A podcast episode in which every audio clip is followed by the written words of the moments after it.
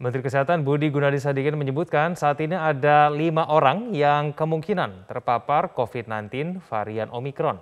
Tes PCR mereka kini tengah dikaji di Balit. Dalam wawancara dengan Metro TV pada Kamis siang, Menkes Budi Gunadi Sadikin memaparkan kelima orang tersebut kini tengah dikarantina di dua tempat dua warga negara Indonesia yang datang dari Amerika Serikat dan Inggris di karantina di Wisma Atlet Kemayoran, Jakarta.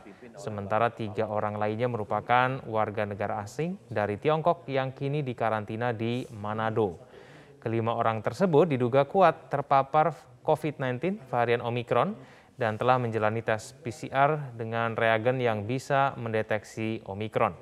Kini sampel dari kelima orang tersebut telah dikirimkan ke Balitbangkes dan hasilnya diharapkan bisa diketahui pada akhir. Probable mm -hmm. ada lima orang, dua orang WNI, satu datang dari Amerika, satu datang dari Inggris, dan tiga WNA yang datang dari Cina. Yang WNI ada di Wisma Atlet, yang di Cina ada di karantina di Manado.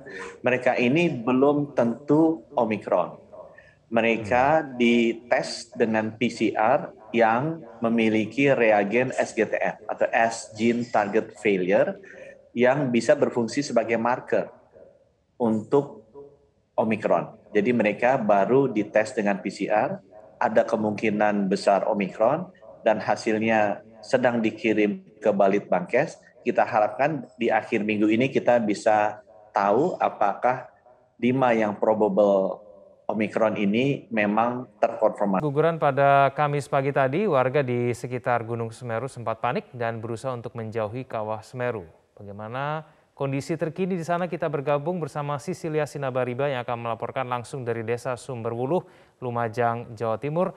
Sisilia, bagaimana kondisi terakhir pasca terjadinya awan panas guguran pagi tadi? Iya, Egan, memang benar tadi sekitar pukul 9 pagi waktu Indonesia Barat awan panas guguran sempat terjadi di sekitar kawah ataupun di sekitar lereng Gunung Semeru sehingga membuat pencarian yang dilakukan di tiga sektor utama seluruh tim SAR dan juga seluruh warga diminta untuk meninggalkan lokasi evakuasi dan mencari lokasi yang aman. Ini memang sempat membuat kepanikan warga karena jika melihat 10 hari terakhir proses pencarian yang dilakukan yang juga kami ikuti ini menjadi salah satu awan panas guguran susulan yang cukup besar yang terjadi sehingga ini membuat kepanikan warga. Saat ini warga telah berada di pengungsian. Tempat kami saat ini di Desa Sumberwulu juga sudah terpantau sepi karena warga sejak pagi tadi memilih untuk mengungsi ke beberapa lokasi pengungsian karena takut adanya awan panas guguran susulan. Tidak hanya APG yang sempat terjadi pada pagi tadi sekitar pukul 12 siang waktu Indonesia Barat tadi juga sempat terjadi hujan abu dan juga sempat terjadi banjir yang turut membawa material vulkanis dari Gunung Semeru. Sehingga ini juga sempat membuat beberapa kerusakan terutama di daerah yang menjadi aliran lahar dari Gunung Semeru termasuk salah satunya di desa atau di Kampung Renteng.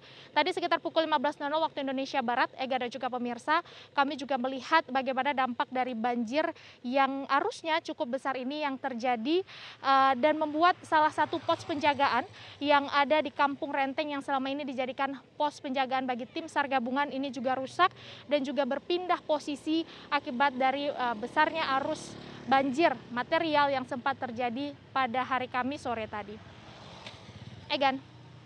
Ya, Sisila, kalau kami lihat dari studio kondisi di belakang Anda terlihat cukup sepi. Mungkin Anda bisa ceritakan Sisilia, ini dari mana arah datangnya awan panas guguran yang terjadi pagi tadi dan ke arah mana pula warga kemudian melakukan evakuasi begitu? Iya, Egan tadi ketika terjadi awan panas guguran pada pukul 9 pagi terpantau dari Pusat Vulkanologi Mitigasi Bencana uh, Geologi yang ada di Gunung Sawur. Memang arah dari um, awan panas guguran ini berasal dari Dusun Curah Kobokan, kemudian turun ke Dusun Kajar Kuning dan mengarah terus ke Dusun Kamar Kajang hingga ke Kampung Renteng tepatnya di Desa Sumberwuluh di tempat kami ini kemudian mengalir terus ke uh, dusun Kebondeli. Termasuk juga aliran awan panas guguran ini juga sama dengan aliran uh, banjir yang sempat terjadi tadi sehingga warga yang berada di bagian atas sana yang jaraknya cukup dekat dengan lereng Gunung Semeru mereka memilih untuk turun mencari lokasi pengungsian baik itu yang ada di desa Penanggal maupun ada di dusun Penanggal maupun yang ada di uh, kantor uh, Candipuro ataupun SMPN 1 Candipuro yang jaraknya memang cukup jauh dari Gunung Semeru. Terlihat tidak ada lagi warga di sini tadi mereka ketika hujan debu terjadi pada pukul 12 siang semakin banyak pula warga yang memilih mengungsi. Karena pada saat terjadinya APG, hujan debu dan juga banjir biasanya ini adalah waktu di mana warga yang berada di pengungsian mereka memilih untuk kembali ke rumah mereka untuk melihat bagaimana kondisi dari rumah mereka. Namun ternyata ketika mereka melihat kondisi rumah mereka terjadi APG, warga kemudian diminta oleh tim SAR untuk kembali ke posko pengungsian. Egan. Proses evakuasi pada sore ini seperti apa? Untuk proses evakuasi, Ganda juga pemirsa saat ini sudah resmi dihentikan. Kami sudah mengonfirmasi ini kepada pihak dari Basarnas bahwa terhitung dari pukul 15.00 waktu Indonesia Barat, proses evakuasi yang berjalan sudah 13 hari ini dihentikan terutama untuk mencari mereka yang dinyatakan masih dalam pencarian. Total hingga saat ini ada 36 orang yang masih dinyatakan dalam pencarian dan kami tadi mengonfirmasi kepada Kepala Basarnas bagaimana nasib dari 36 orang ini. Dan Kepala Basarnas menyebut bahwa proses pencarian masih dapat dilakukan oleh para relawan maupun dari tim SAR, namun tetap harus berkoordinasi dengan Satgas Penanganan Bencana yang ada di Kabupaten Lumajang.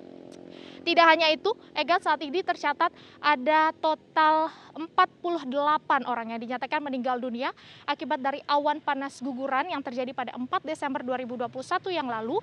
Ada 82 yang dinyatakan masih mengalami luka ringan dan 18 orang masih dirawat di Rumah Sakit Haryoto karena mengalami luka berat. Proses evakuasi resmi yang dilakukan oleh tim operasi atau tim SAR telah dihentikan pada pukul 15.00 waktu Indonesia Barat tadi. Namun sekali lagi jika masih ada yang hendak melakukan pencarian, tetap harus berkoordinasi dengan tim Satgas dan Kapal pengangkut WNI tenggelam di Tanjung Balau, Johor Baru, Malaysia. Dalam upaya pencarian, lima jenazah ditemukan, 20 orang lainnya masih dalam proses pencarian. Otoritas Maritim Malaysia kembali menemukan lima jenazah WNI korban tenggelamnya kapal tongkang yang masuk Malaysia melalui perairan Johor Baru. Terdiri dari dua perempuan dan tiga laki-laki. Tim SAR masih berupaya untuk mencari 20 orang lainnya yang masih dinyatakan hilang. Pihak Maritim Malaysia mengerahkan sejumlah kapal dan speedboat untuk proses pencarian. Areal pencarian juga diperluas hingga sejauh 147 km laut dari perairan Tanjung Balau, Johor Baru, Malaysia. Proses pencarian juga dilakukan lewat udara. Kapal pengangkut 50 WNI tak berdokumen ini dilaporkan terbalik dan karam saat akan mencapai perairan Johor Baru. 14 orang WNI selamat sedangkan korban meninggal dunia total 16 orang. Sejumlah negara terdampak Omikron mulai memperketat protokol kesehatan bagi warganya. Di Inggris, pemerintah setempat mengimbau warganya untuk selalu bermasker, sementara itu pemerintah Kanada melarang warganya untuk bepergian ke luar negeri.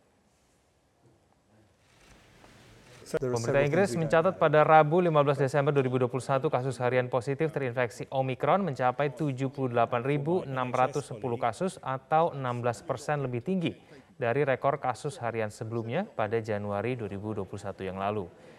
Pejabat kesehatan setempat menilai infeksi Omikron menjadi varian dominan di Inggris dalam beberapa hari terakhir ini, serta menyumbang sebagian besar kasus COVID-19 di London. Warga pun diimbau bersiaga dengan semakin meningkatnya angka kasus terinfeksi Omikron dalam beberapa minggu ke depan, terutama jelang libur Natal dan Tahun Baru. Kini pemerintah Inggris telah menerapkan kembali aturan penggunaan masker serta menunjukkan bukti vaksinasi atau tes COVID-19 di sejumlah pusat keramaian warga.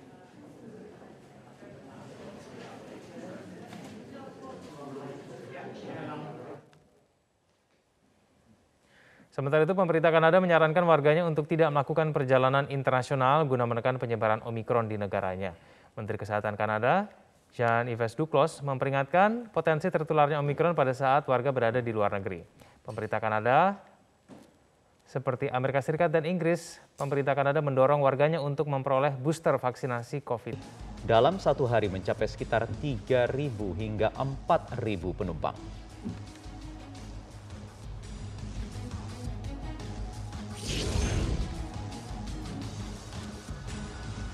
Truk bermuatan gula ludes terbakar di tol Jakarta Cikampek pada Kamis siang. Saat melaju, truk tiba-tiba terbakar setelah sebelumnya mengeluarkan percikan api dan ban truk sempat mengeluarkan ledakan beberapa kali. Kebakaran diduga terjadi akibat korsleting di dalam ruang mesin.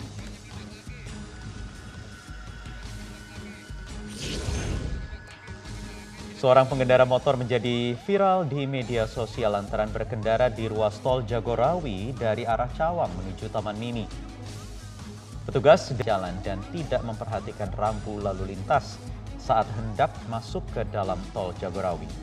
Pengendara tersebut akhirnya diarahkan petugas untuk keluar dari tol.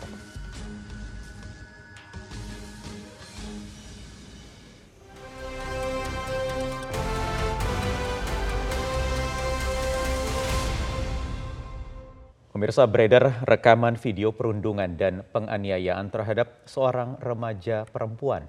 Ya, mirisnya penganiayaan dilakukan di dalam sekolah dan pelaku perundungan masih berseragam sekolah. Video ini pun viral di media sosial. Ya, ya. Lima ribu satu air. Bangun nih. Ya. Lima ribu satu air. Besri. Burungi, burungi. Seperti inilah aksi penganiayaan pelajar perempuan yang terjadi di dalam Stadion Mini Turatea, Kelurahan Balangtoa, Kecamatan Binamu, Kabupaten Jeneponto, Sulawesi Selatan. Dalam video yang direkam salah satu siswa, seorang pelajar perempuan diseret oleh pelajar lainnya. Remaja perempuan ini tampak terduduk di lantai. Korban tampak pasrah dan tidak bisa melakukan perlawanan. Siswa SMK Negeri 1 Jeneponto tersebut juga dipukuli, namun ironisnya pelajar yang berada di lokasi malah menonton tanpa ada yang melerai. Setelah kejadian tersebut, korban menderita luka dan trauma. Pihak keluarga lalu melaporkan kejadian ini ke Polres Jeneponto. Kepala Urusan Bin Ops Reskrim Polres Jeneponto, Ibtu Nasrudin, membenarkan kasus perundungan